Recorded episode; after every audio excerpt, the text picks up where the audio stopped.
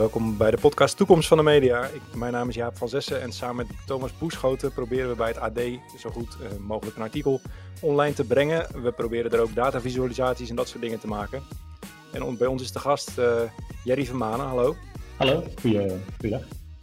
Een van de collega's in de journalistiek, wiens werken we op afstand met gepaste jaloezie volgen, kunnen we wel zeggen. Hij werkte lange tijd bij nu.nl en pionierde daar met datajournalistiek in Nederland. Tegenwoordig werkt hij bij... Uh, voor Caro NCV bij Pointer en de eerste echte datajournalistieke redactie van Nederland is dat. En we spreken heel graag over data en uh, journalistiek.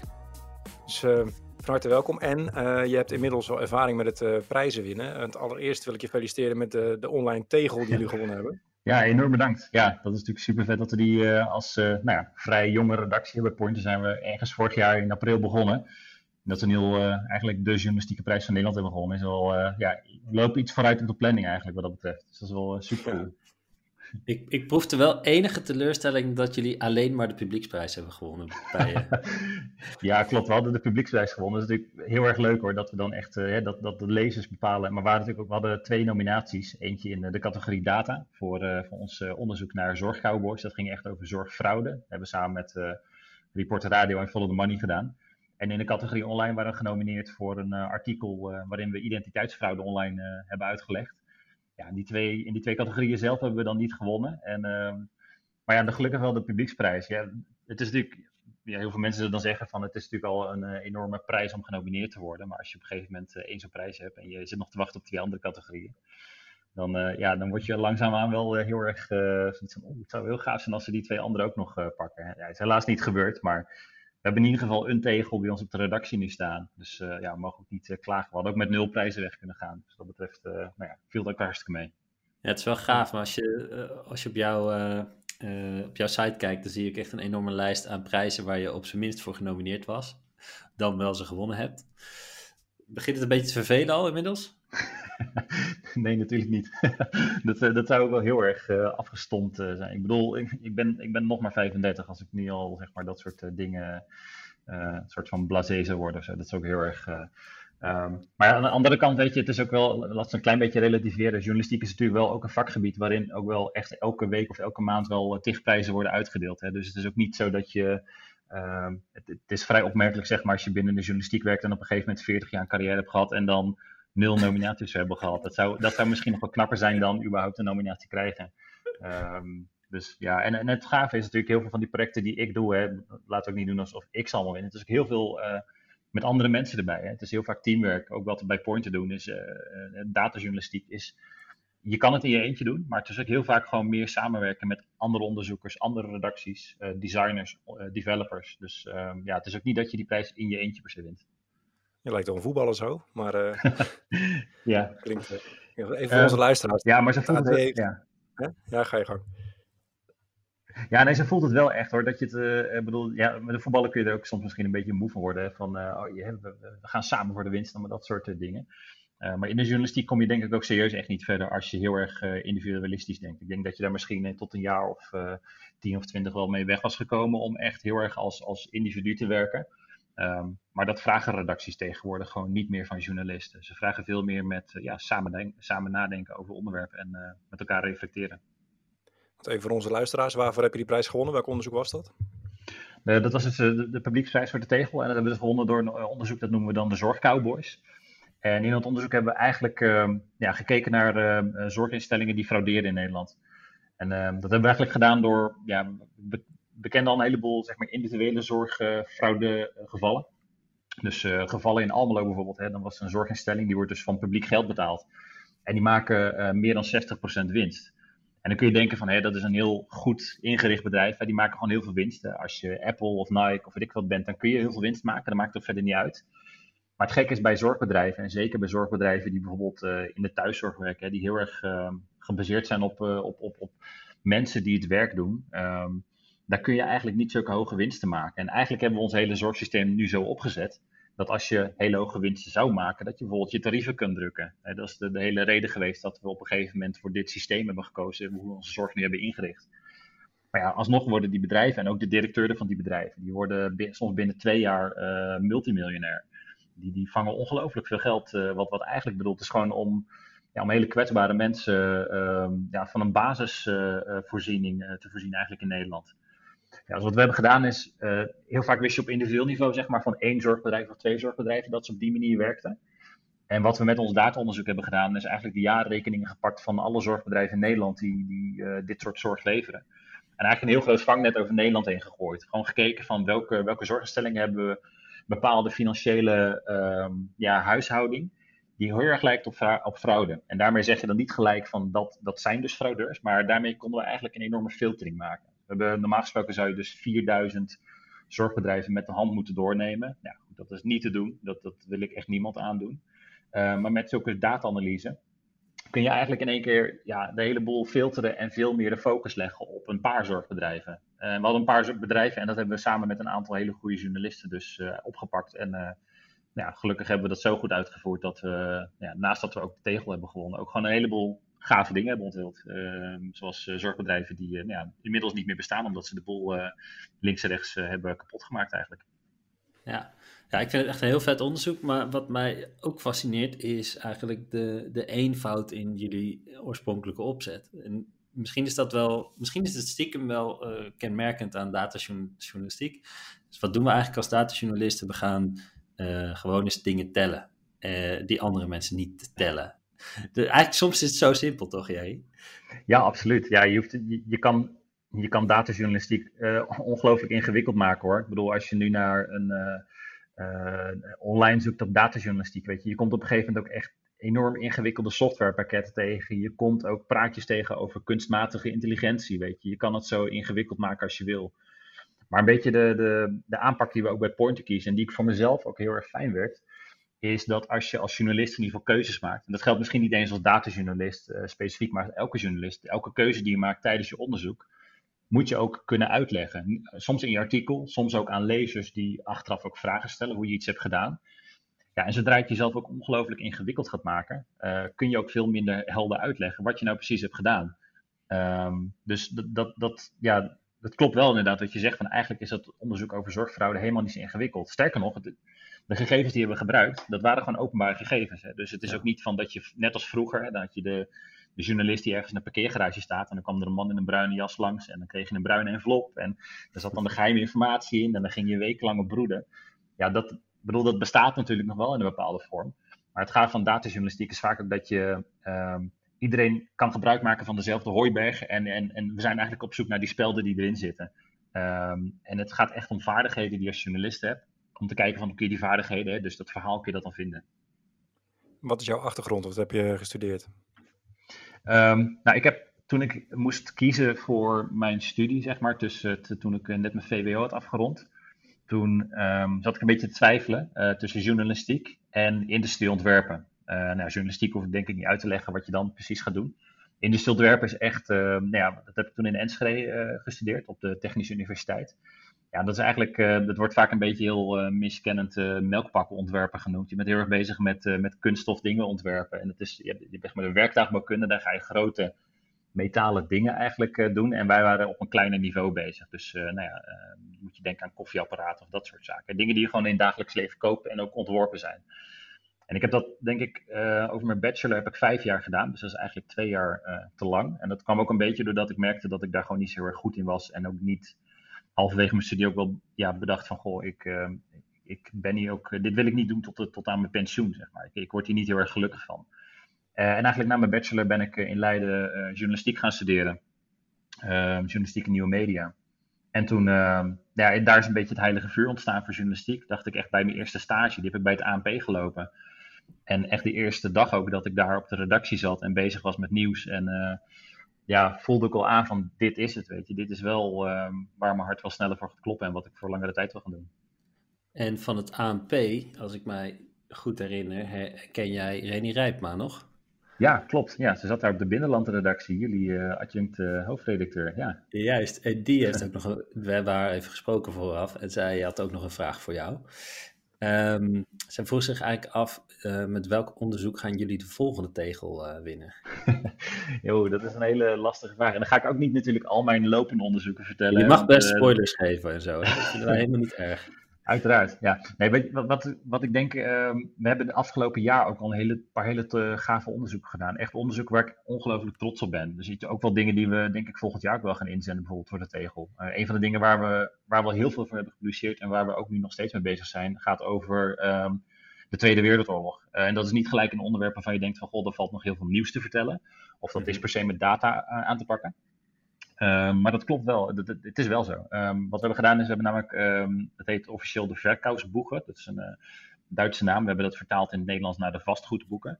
Dat is eigenlijk een enorm dossier wat sinds kort is gedigitaliseerd door het uh, Nationaal Archief.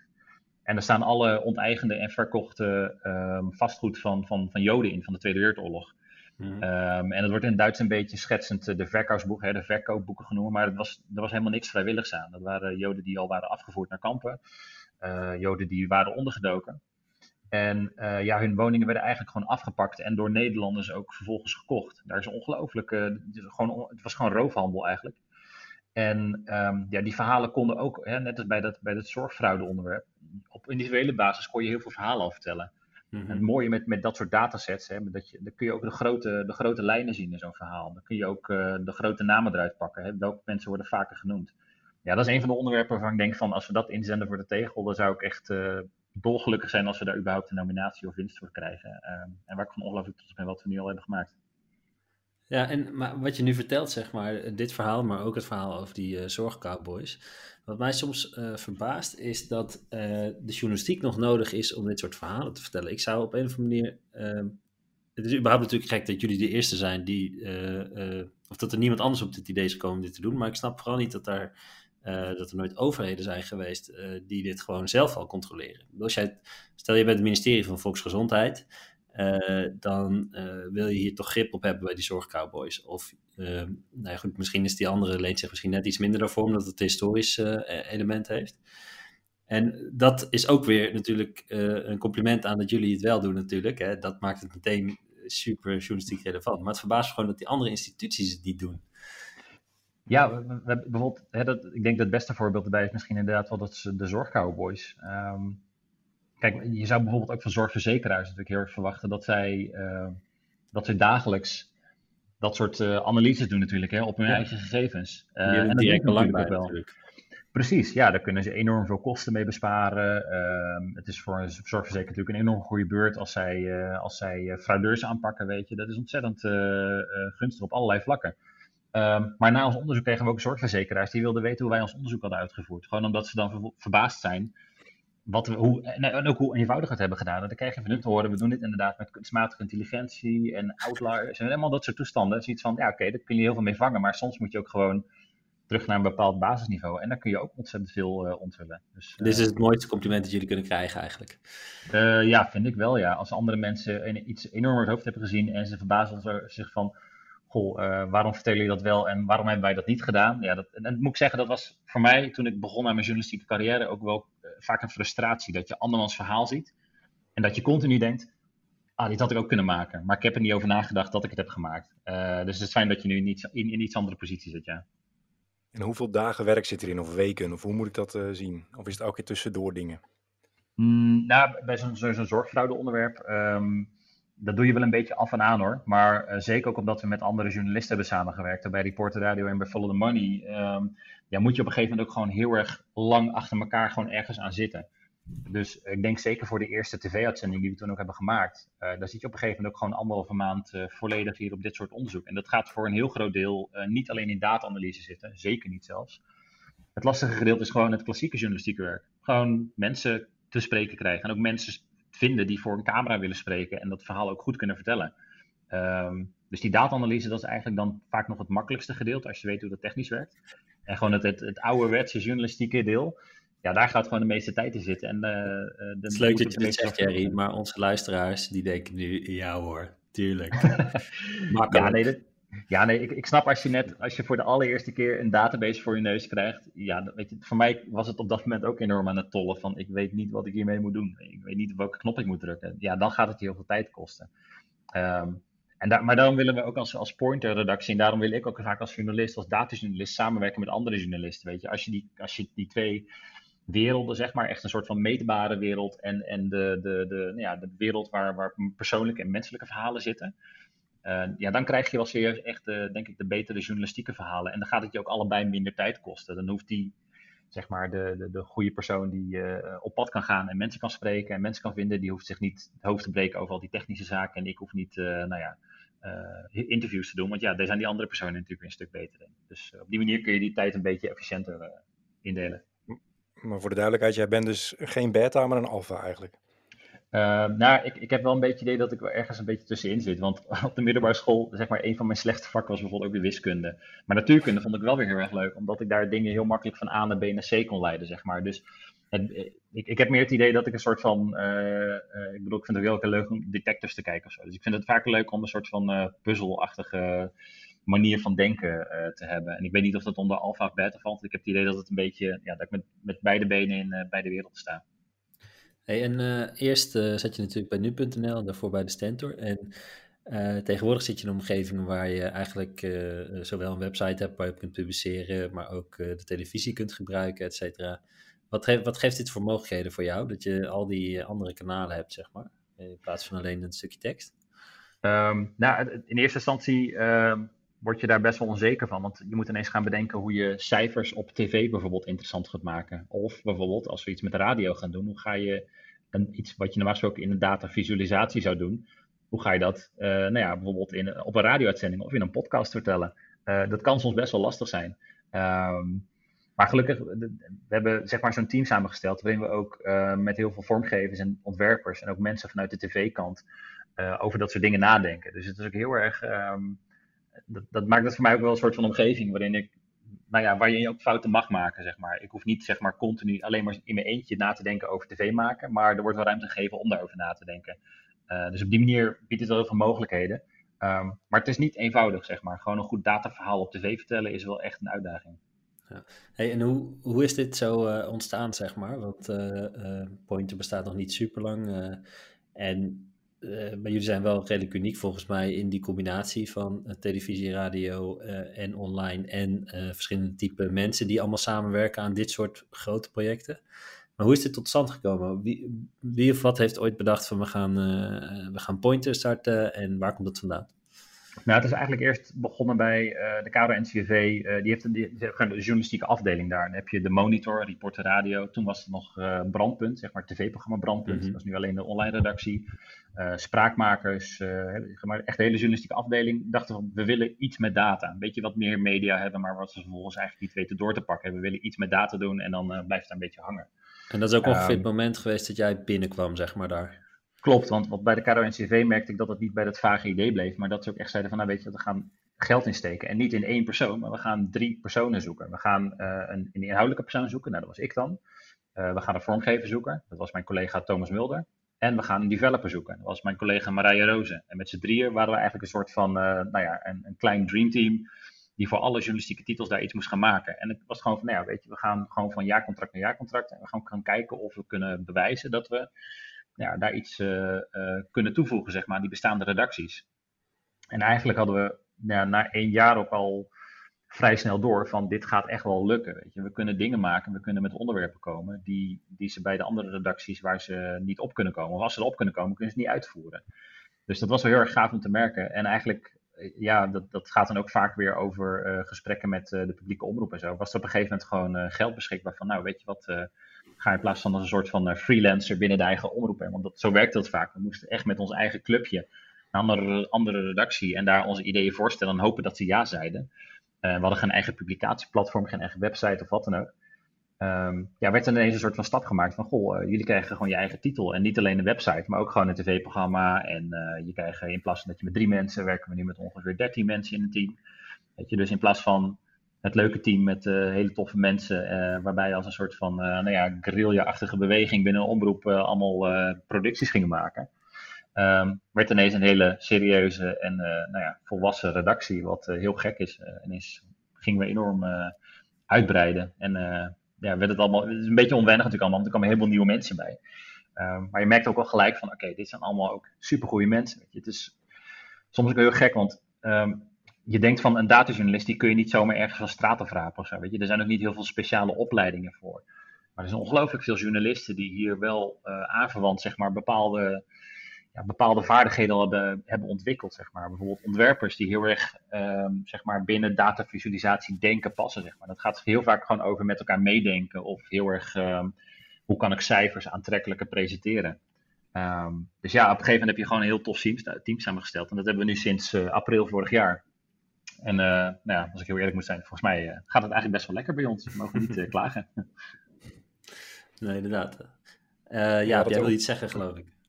Ja, ik stak mijn hand op. Hè. We doen het via de webcam, dus dat, dat gaat lekker. Nou ja, het over de uitdaging om op tv dingen te vertellen in data. En ik heb ook wel eens dingen op tv moeten doen met grafieken en zo. En dan hoor je altijd gelijk van, nou, zodra mensen grafiek zien, dan haken ze af. En dat geldt ook voor het AD. Um, heb je daar een truc voor? Of voor als ik dat de volgende keer moet doen of zo? Nou ja, wij, zijn daar ook nog een beetje mee aan het experimenteren hoor. Kijk, het, het, misschien een heel goed voorbeeld ervan kan bijvoorbeeld Herman de Scherman zijn. Hè? De, de verkiezingsuitslagenavond. Toch kijken heel veel mensen dat. Terwijl het elke keer dezelfde grafiek is. Gewoon een, een, een, eh, een pie chart. En dan wijst hij naar en dan zegt hij van nou, in die gemeente is die partij het grootste geworden. Door naar de volgende slide. En, maar toch, omdat je een, een mens in ieder geval toevoegt aan de cijfers. Als je heel droog, denk ik, alleen een grafiek in beeld gooit en uh, daar een voice-over overheen zet. Ja, dat, dan moet het wel een heel spannend cijfer zijn wat je presenteert uh, om mensen nog vast te houden. Maar dat zal niet langer dan 10 seconden duren. Maar, gewoon heel veel, even, zeg maar. Jerry. Uh, Herman de Scherman presenteert die pie charts. Uh, ja, op de verkiezingsavonden natuurlijk. Hè. Dan zijn het, ja, ik dacht dat het allemaal barcharts waren. Maar... Kan ook, ja. Ze, ze, kiezen elk jaar volgens mij wel voor andere vormen. Hoor. Dus wat dat betreft is er ook wel bij de NOS natuurlijk enorme innovatie gaan. Maar, luister, een pie chart, dat kan toch niet? Kom op. het, het, ja, er zit een enorme discussie over. Hè. Mag je iets wel of niet in een pie chart presenteren? Ik, ik, ik, was vroeger, moet ik eerlijk zeggen, ik was echt uh, een soort van uh, nou ja, cijfernatie wat dat betreft. Ik was echt een soort van, oké, je mag bepaalde dingen absoluut niet doen. Je mag geen pie chart gebruiken, je mag dit absoluut niet doen, je moet dat doen. Dat heb ik wel een beetje losgelaten hoor, want het is ook wel, uh, even afgezien van dat je daar een heel irritant persoon van wordt. Ehm, het, het, is allemaal niet zo zwart-wit, dat scheelt ook wel weer. Nog even terug naar die redactie. Van, je hebt 13 mensen werken en zo. En je kan anderhalve maand soms uh, vrijmaken voor een project. Waar ik heel jaloers op ben ook. Want wij moeten soms echt uh, een dag van tevoren. Dan, dan, zijn we al heel snel. Uh, wat zijn de doelstellingen voor jou? Wanneer doe jij je werk goed? Voor, voor, volgens jouw opdrachtgever. Nee, nee ik, ik, doe mijn werk vooral goed als we, en dat wordt dan vaak met een wat vagere term, maar daar kan ik zo iets meer uitleggen, impact maken. Zeg maar. Als we artikelen maken of onderzoeken doen, waarin we ook daadwerkelijk echt iets veranderen in de maatschappij. Um, kijk, en daar is ook wel het verschil natuurlijk tussen, tussen wat ik hiervoor deed. Bij nu.nl was het echt meer verslaggeving.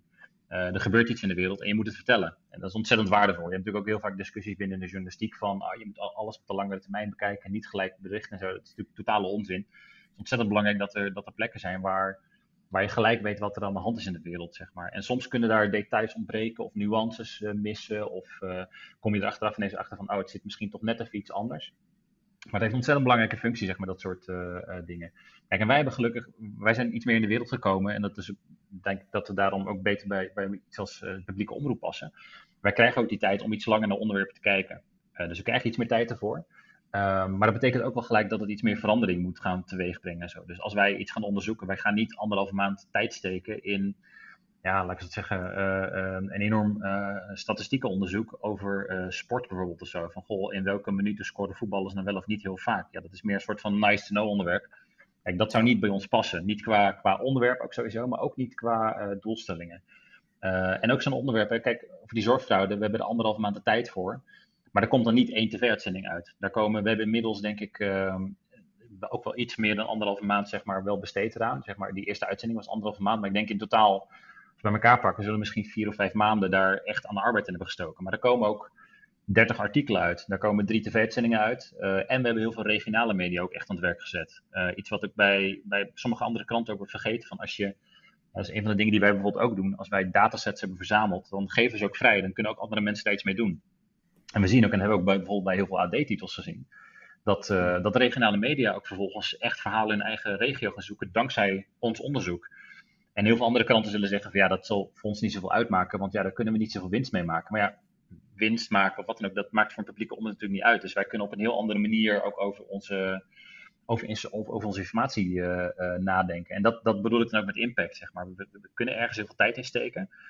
Maar dan zie je ook dat er enorme verandering uh, teweeg wordt gebracht. En, en, ik denk dat dat vooral het belangrijkste is in, in de manier waarop ja, onze verhalen moeten worden beoordeeld. Ja, dus als je het hebt over impact, dan uh, kijk, bij, uh, wij kijken heel vaak naar uh, toch wel naar de leescijfertjes en zo. En misschien dat daar wel nuances in zijn in wat voor soort leescijfertjes je dan naar wil kijken. Maar als ik jou goed beluister, um, kijk, kijken jullie eigenlijk niet eens naar de, naar de kliks. Dus jullie hebben een heel andere definitie van een heel ander soort metrics waar je eigenlijk naar kijkt als je naar die impact kijkt. Dus bijvoorbeeld hoeveel kranten schrijven over wat we hebben gedaan, bijvoorbeeld. Of hoeveel kamervragen worden erover gesteld. Dat soort achtige dingen. Ja, precies. Ja. Uiteindelijk zijn ook wel bezoekcijfers voor ons wel belangrijk hoor. Want het is wel een bepaalde maat waar je nou, iets vanaf kan meten. Zeg maar. Als we een verhaal mhm. hebben dat maar uh, eh, 50 keer uh, wordt gelezen of zo. Ja, dat, dat, uh, ook dat weer. Dat kan een beetje misleiden. Dat kan liggen aan dat je een verkeerde afbeelding gebruikt. Een verkeerde kop. Verkeerde teksten mm -hmm. die je op Twitter of Facebook hebt gebruikt. Dus dat kan van alles liggen. Um, maar uiteindelijk, weet je, het zal, het zal bij ons nooit echt een doorslag geven in bepaalde keuzes. Um, als het een verhaal is dat dan misschien 100 keer wordt gelezen, maar precies door 100 personen die uh, de, de, keuzes maken en waardoor we echt verandering teweeg kunnen brengen, ja, dan zal dat voor ons meer voldoening brengen dan, uh, dan op andere plekken. Ja. Wat zijn wereldwijd voorbeelden voor jou van sites of auteurs die dat uh, heel goed doen? Mm, nou ja, waar ik altijd, en dat is ook een beetje omdat het heel erg dicht bij ons ligt hè, qua methodiek. maar bijvoorbeeld een journalist als Christian Triebert, zeg maar van Belling, die dat is bij Bellingcat en die werkt nu bij New York Times. Ja, dat vind ik wel een journalist die, uh, ook omdat we een paar keer met hem hebben samengewerkt, uh, iemand die ook um, ja, echt waanzinnig scherp is, zeg maar, op heel veel details. Zeg maar. Dan denk je dat je alles hebt beschreven in je research. Hij kijkt ernaar en hij plukt er nog vijf dingen uit waarvan je denkt van, oh, hoe, heb ik dat kunnen opschrijven? Hoe heb ik dat kunnen beweren? Iemand die waanzinnig scherp is, maar ook altijd de juiste uh, onderwerpen uit weet te pikken. Zeg maar. Dat gaat altijd over ja, soms hele zware onderwerpen hoor, maar het gaat vaak over mensenrechten ook bijvoorbeeld, over hoe we met elkaar omgaan, over uh, systematisch uh, onrecht. Weet je, dus dat soort, dat soort verhalen, ja, dat, daar, daar kijk ik wel met heel veel, ehm, ja, met heel veel respect naar, zeg maar, van hoe je als journalist zeg maar, zo ongelooflijk scherp bent. En niet even voor één onderzoek of zo, maar gewoon continu. Um, ik heb zelf van mezelf altijd wel, niet, als ik een heel zwaar onderwerp heb gedaan, dan vind ik het vaak ook wel fijn om even een paar wat lichter verteerbare dingen soms tussendoor te doen. Uh, gewoon ook voor mijn eigen gemoedstoestand hoor. Want uh, dat moet je ook maar tegen kunnen. Journalistiek kan soms serieus best wel een, een, een, mentaal zwaar beroep zijn als je echt met hele zware onderwerpen achter elkaar bezig bent. Um, en daarom vind ik het zo knap als andere journalisten dat continu achter elkaar doen. Omdat je ook ziet dat ze daar daadwerkelijk uh, um, nou ja, grote dingen, veranderingen teweeg weten te brengen.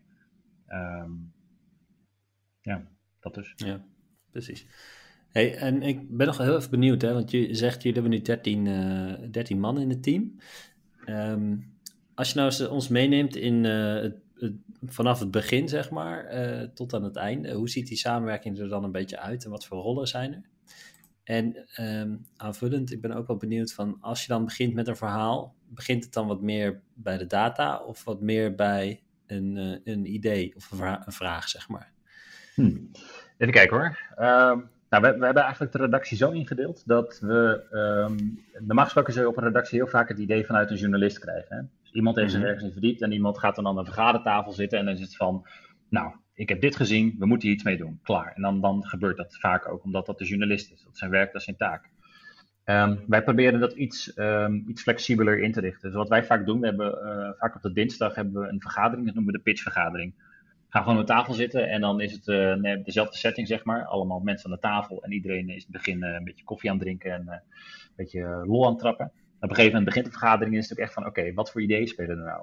Um, en dan kan het hele frisse ideeën zijn. Dat kunnen ideeën zijn die die heel erg jong zijn, heel erg onontwikkeld. Hè. Dat, dat vond ik in het begin in de journalistiek heel erg lastig. Als je een idee voorstelt en andere mensen zeggen van, nou ik vind het niet zo'n goed idee, dan heb je altijd het idee dat je een beetje voor lul staat. Of dat andere mensen minder uh, over jou denken op dat moment van, oh dat is geen scherpe journalist. Maar we hebben geprobeerd het zeg maar zo veilig te maken van, iedereen mag gewoon iets zeggen. Mm. En we proberen verder op door, op door te denken. Dus als iemand iets zegt en je denkt van, nou weet je wat, het is misschien niet zo'n goed idee.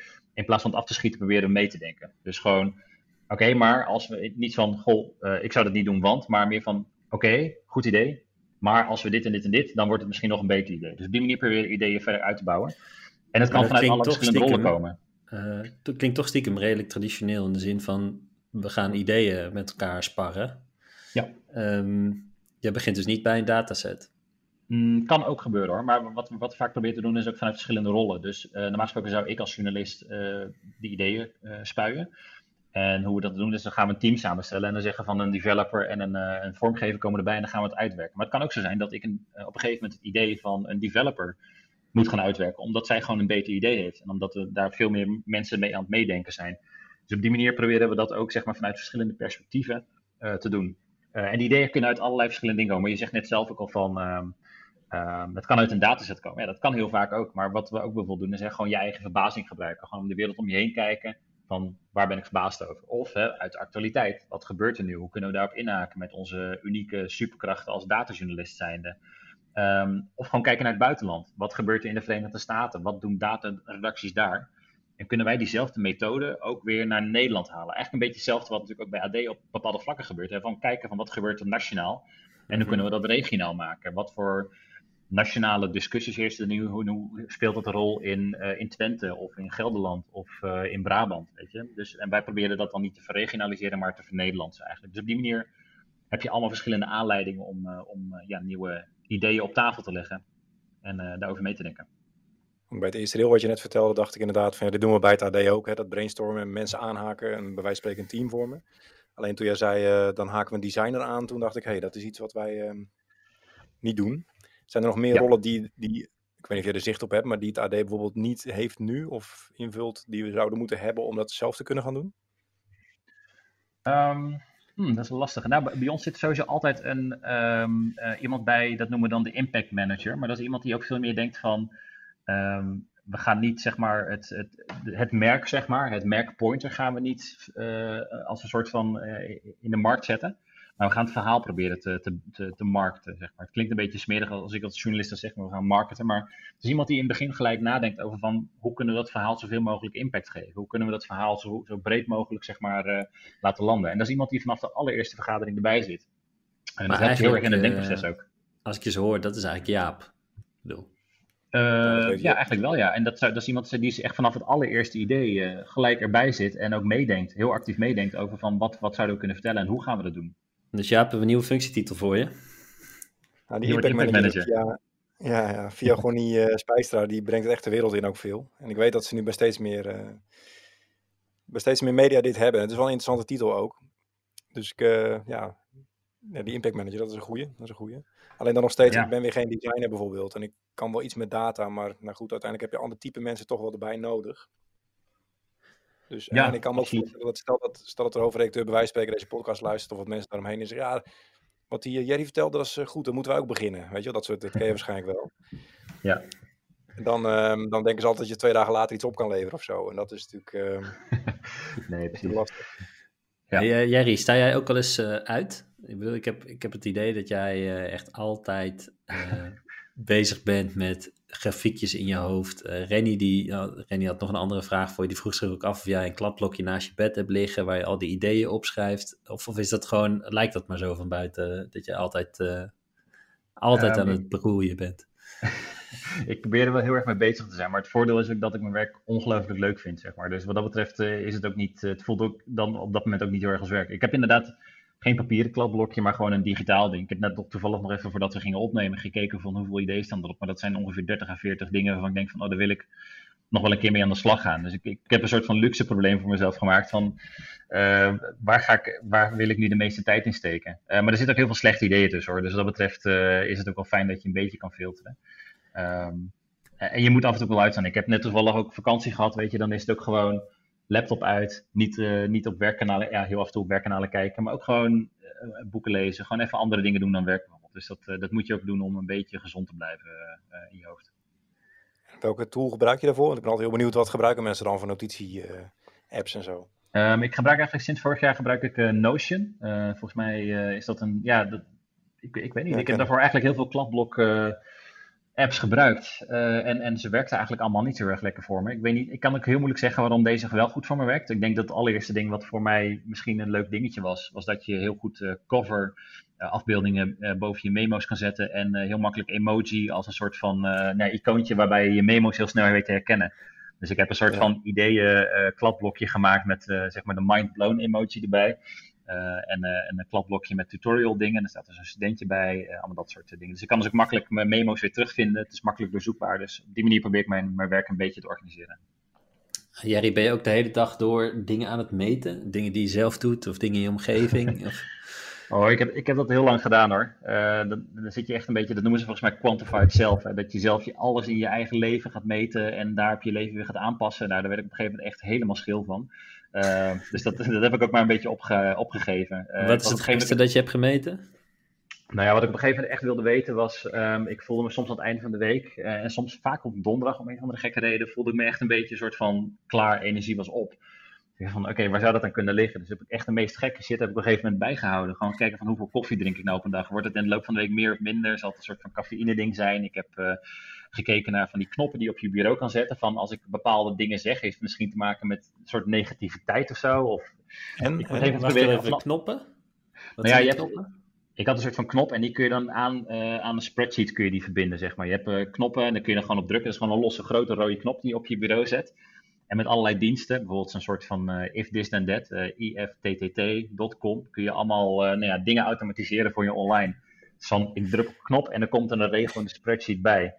En dat had ik ook voor mezelf gedaan. Van oké, weet je wat, misschien heeft het. En op, toen ik dat had gemaakt en ik drukte die knop en het werkte, dacht ik gelijk van. Waar ben ik eigenlijk in godsnaam mee bezig? Wat is dit voor een bizar leven wat ik nu aan het opbouwen ben? Dus daar ben ik ook gelijk weer mee gestopt. Um, maar dus, heeft het geholpen? Ja, ben je erachter gekomen? Nee, ik ben er niet achter gekomen. Nee, misschien gewoon meer slapen uh, door de week. Misschien is, dat is het nog steeds zo, of niet? Uh, nee, niet per se. Nee, ja, dat is het mooie van, uh, van sommige problemen. Sommige problemen lossen zichzelf gewoon ineens op en dan heb je er geen last meer van. heb je wel eens overwogen om het aantal dagen sinds je laatste weekend gewoon te meten? Zou zomaar kunnen, ja. Het schijnt uh, maar dat is altijd drie te zijn. dat zal waarschijnlijk wel kloppen, ja. Uh, ja, nee, ja, weet je, je kan alles meten. Maar dat zegt op een gegeven moment ook niet echt heel veel meer over de waarheid, weet je. je kan, eh, en dat, dat, dat vind ik ook met, met als je data in, in je werk gewoon gaat gebruiken. Het zegt superveel, weet je. Je kan heel veel dingen meten. Maar het is ook gewoon heel erg fijn om af en toe gewoon andere dingen te doen om op een andere manier ja, uh, je, je vermoedens te kunnen verifiëren. Uh, dus ja, inderdaad, precies. Uh, soms is drie ook het, het, aantal dagen sinds je laatste weekend. Behalve als je op dat moment geen weekend hebt gehad en een heel weekend hebt doorgewerkt. Ja, dan heb je al officieel weekend gehad, maar dan heb je gewoon doorgewerkt en ben je alsnog doodmoe. Dus soms is de werkelijkheid, de, de echte werkelijkheid en de meetbare werkelijkheid, ja, verschillen soms net iets meer. Ja, precies. Nou, het, het klinkt als een aanlokkelijk leven, maar stel nou eens dat ik jong ben en nog niet zo goed weet wat ik wil in mijn leven, met mijn carrière. Wat zou, je, zou je dit vak aanraden aan jonge collega's?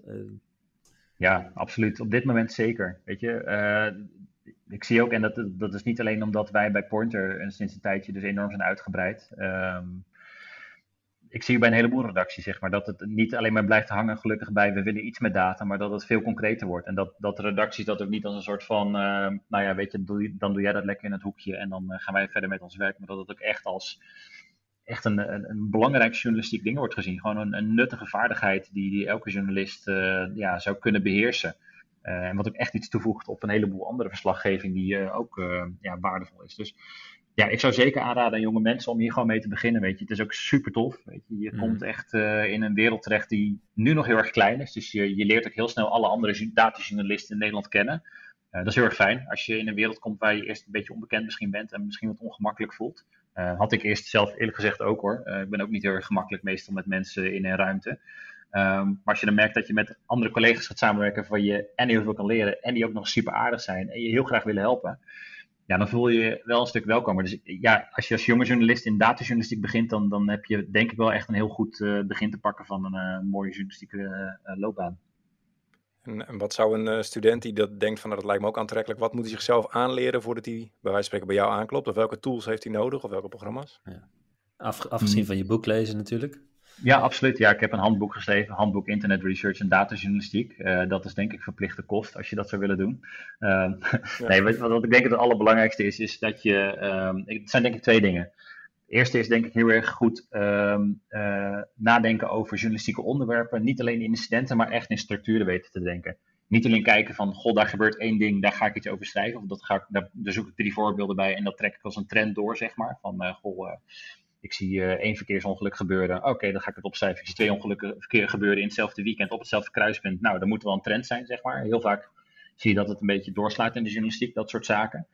Um, maar dat je echt in structuren gaat denken. Gaan kijken van, hé, hey, hier wordt, dit vind ik interessant. Hoe ga ik dat bepaalde manier verzamelen en hoe ga ik daar op een verstandige manier iets structureel zeg maar het grote plaatje daarover schrijven. Ik denk dat dat het ene ding is, zeg maar op die manier van denken.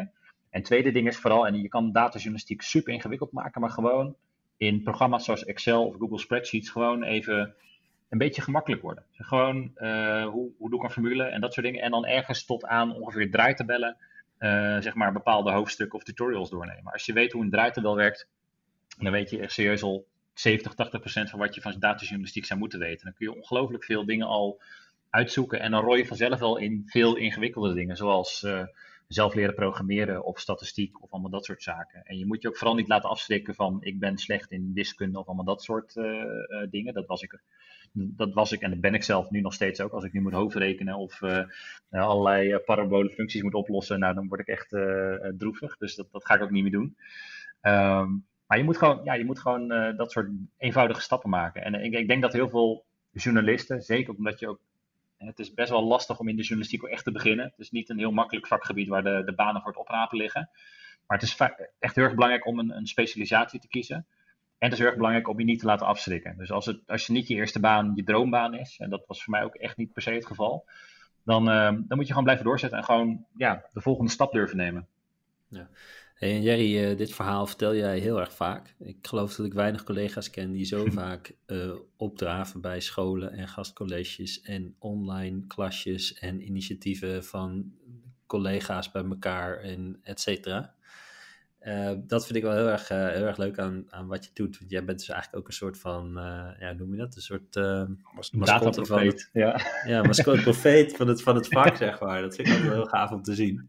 ik weet eigenlijk niet zo goed waar ik naartoe wil, maar ik vond het toch leuk om dat even te melden. Oh, ja, het, is, het lijkt wel alsof je altijd energie over hebt voor dit soort dingen of zo. Ja, in het weekend stort ik ook wel vaak in hoor. Dan ligt gewoon op de bank niks te doen en te gamen. Dus wat dat betreft uh, schijnbedriegt ik wel hoor. Ja. Maar het is ja, dat heb je ook wel verdiend. Maar het is ook ontzettend leuk, weet je. Als je gewoon mensen, als je zelf uh, blij bent met, met het werk wat je doet en je kan andere mensen ook blij mee maken. Ik bedoel, ik afgelopen week ook nog een mailtje van iemand die loopt ook ergens nu stage. En die wilde weten hoe, hoe leer ik programmeren. Nou, dat is best wel, ja, dat is best wel een brede en grote vraag.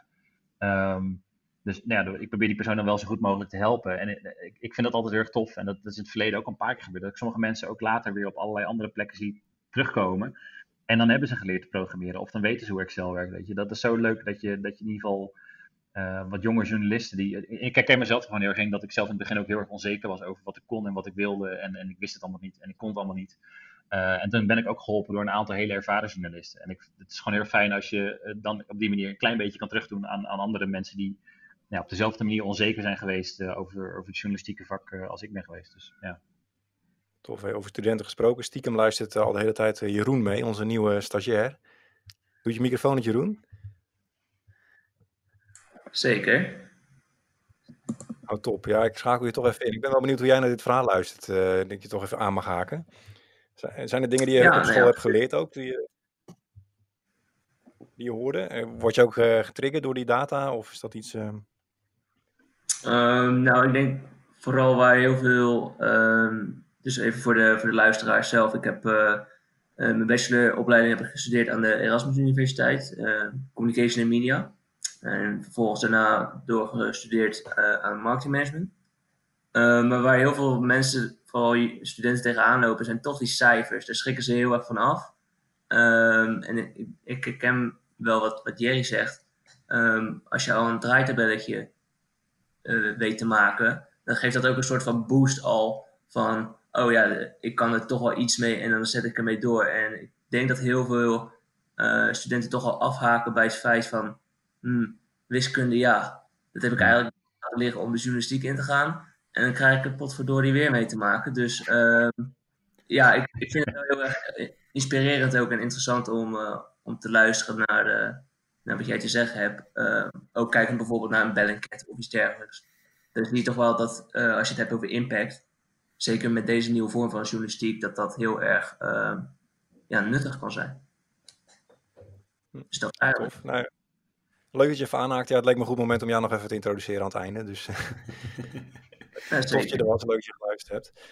Um, ja, ik vond het heel leuk om te horen. Ik weet niet of jij zelf nog uh, toevoegingen hebt, Jerry, die je nog wilt delen. Um, nee, eigenlijk niet. Nee, ik heb volgens mij best wel veel verteld ook over mijn uh, toffe dingen. Uh, wat, ja, misschien één ding wat ik nog wil zou willen zeggen is als je echt heel erg graag op de hoogte wil blijven bijvoorbeeld van, van datajournalistiek, volg ons sowieso even op bij Pointer. Uh, en ik schrijf ook een twee, elke twee weken schrijf ik een eigen nieuwsbrief over datajournalistiek. Uh, die kun je volgen via klikdinges.nl.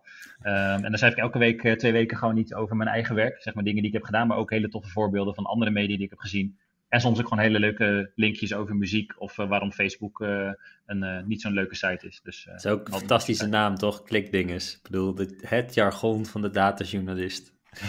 hij was nog beschikbaar en ik heb hem geclaimd. Dus, ik moet, ik moet ook bekennen dat uh, toen ik bij, uh, toen net bij AD werkte, toen vroeg Renny mij van, joh, die stuurde mij een keer jouw nieuwsbrief door. En die zei zo van, oh, dit is leuk, ben je hierop geabonneerd? Dat is echt iets voor jou.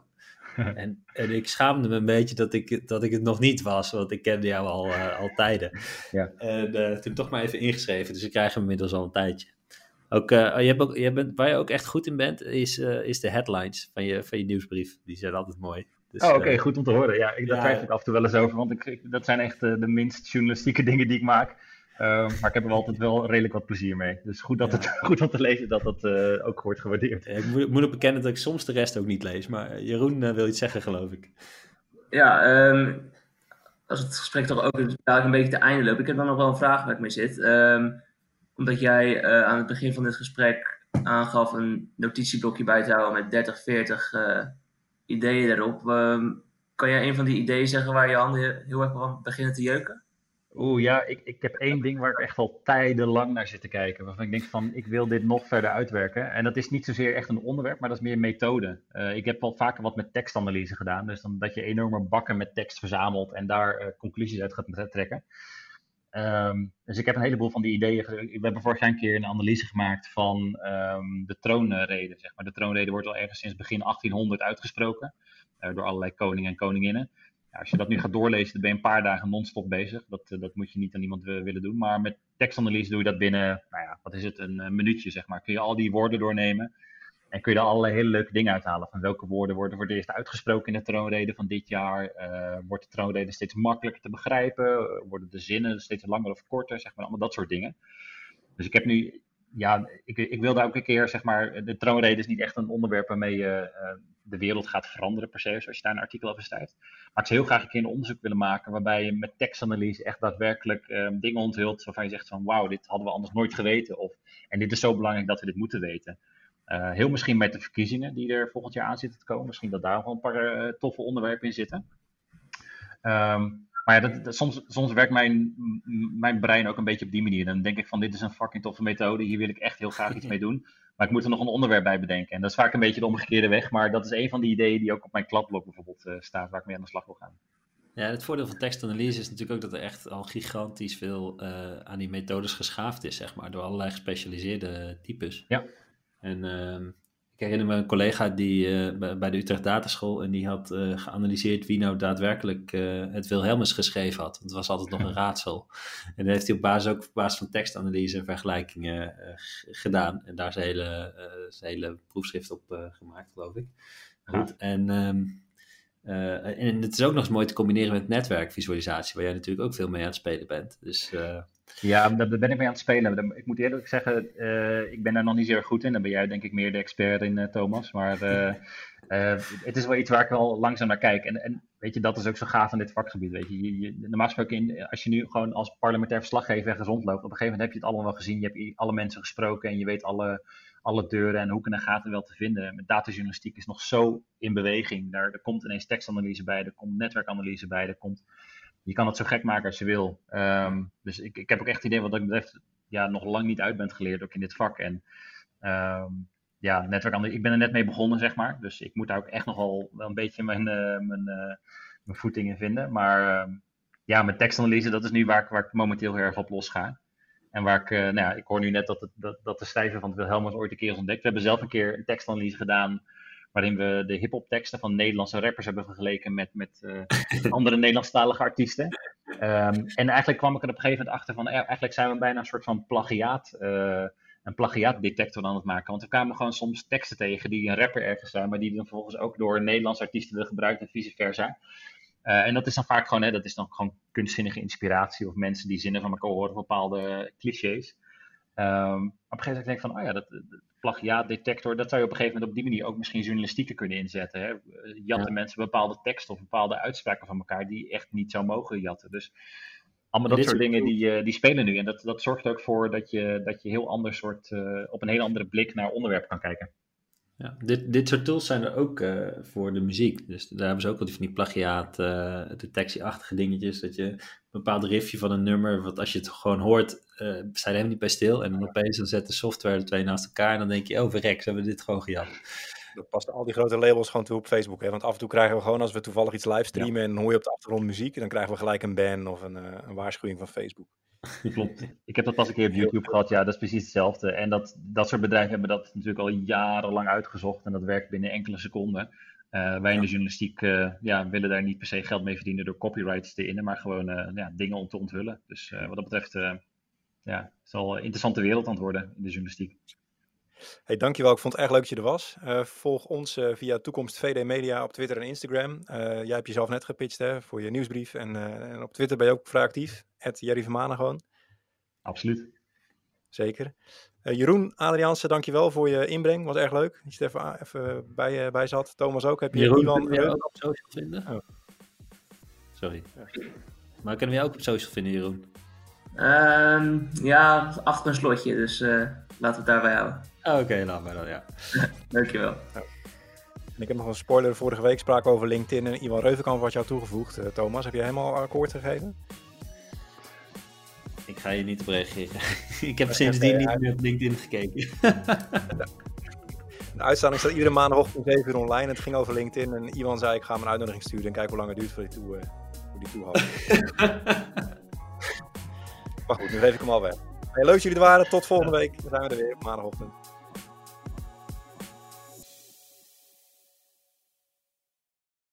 Heb je genoten van deze podcast? Luister dan ook eens naar de podcast Le Cycliste.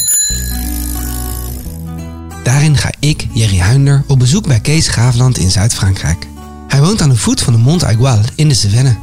Je weet wel, die berg waar Tim Krabbe zo lyrisch over was in zijn bekroonde boek De Renner. En waar de zesde etappe van de Tour de France dit jaar eindigt. Samen met Kees ga ik op zoek naar de verhalen achter de Mont Aigual. Een podcast over extreem weer, vuur, eten, oorlog en een moord. Nu te vinden op ad.nl, Spotify en iTunes.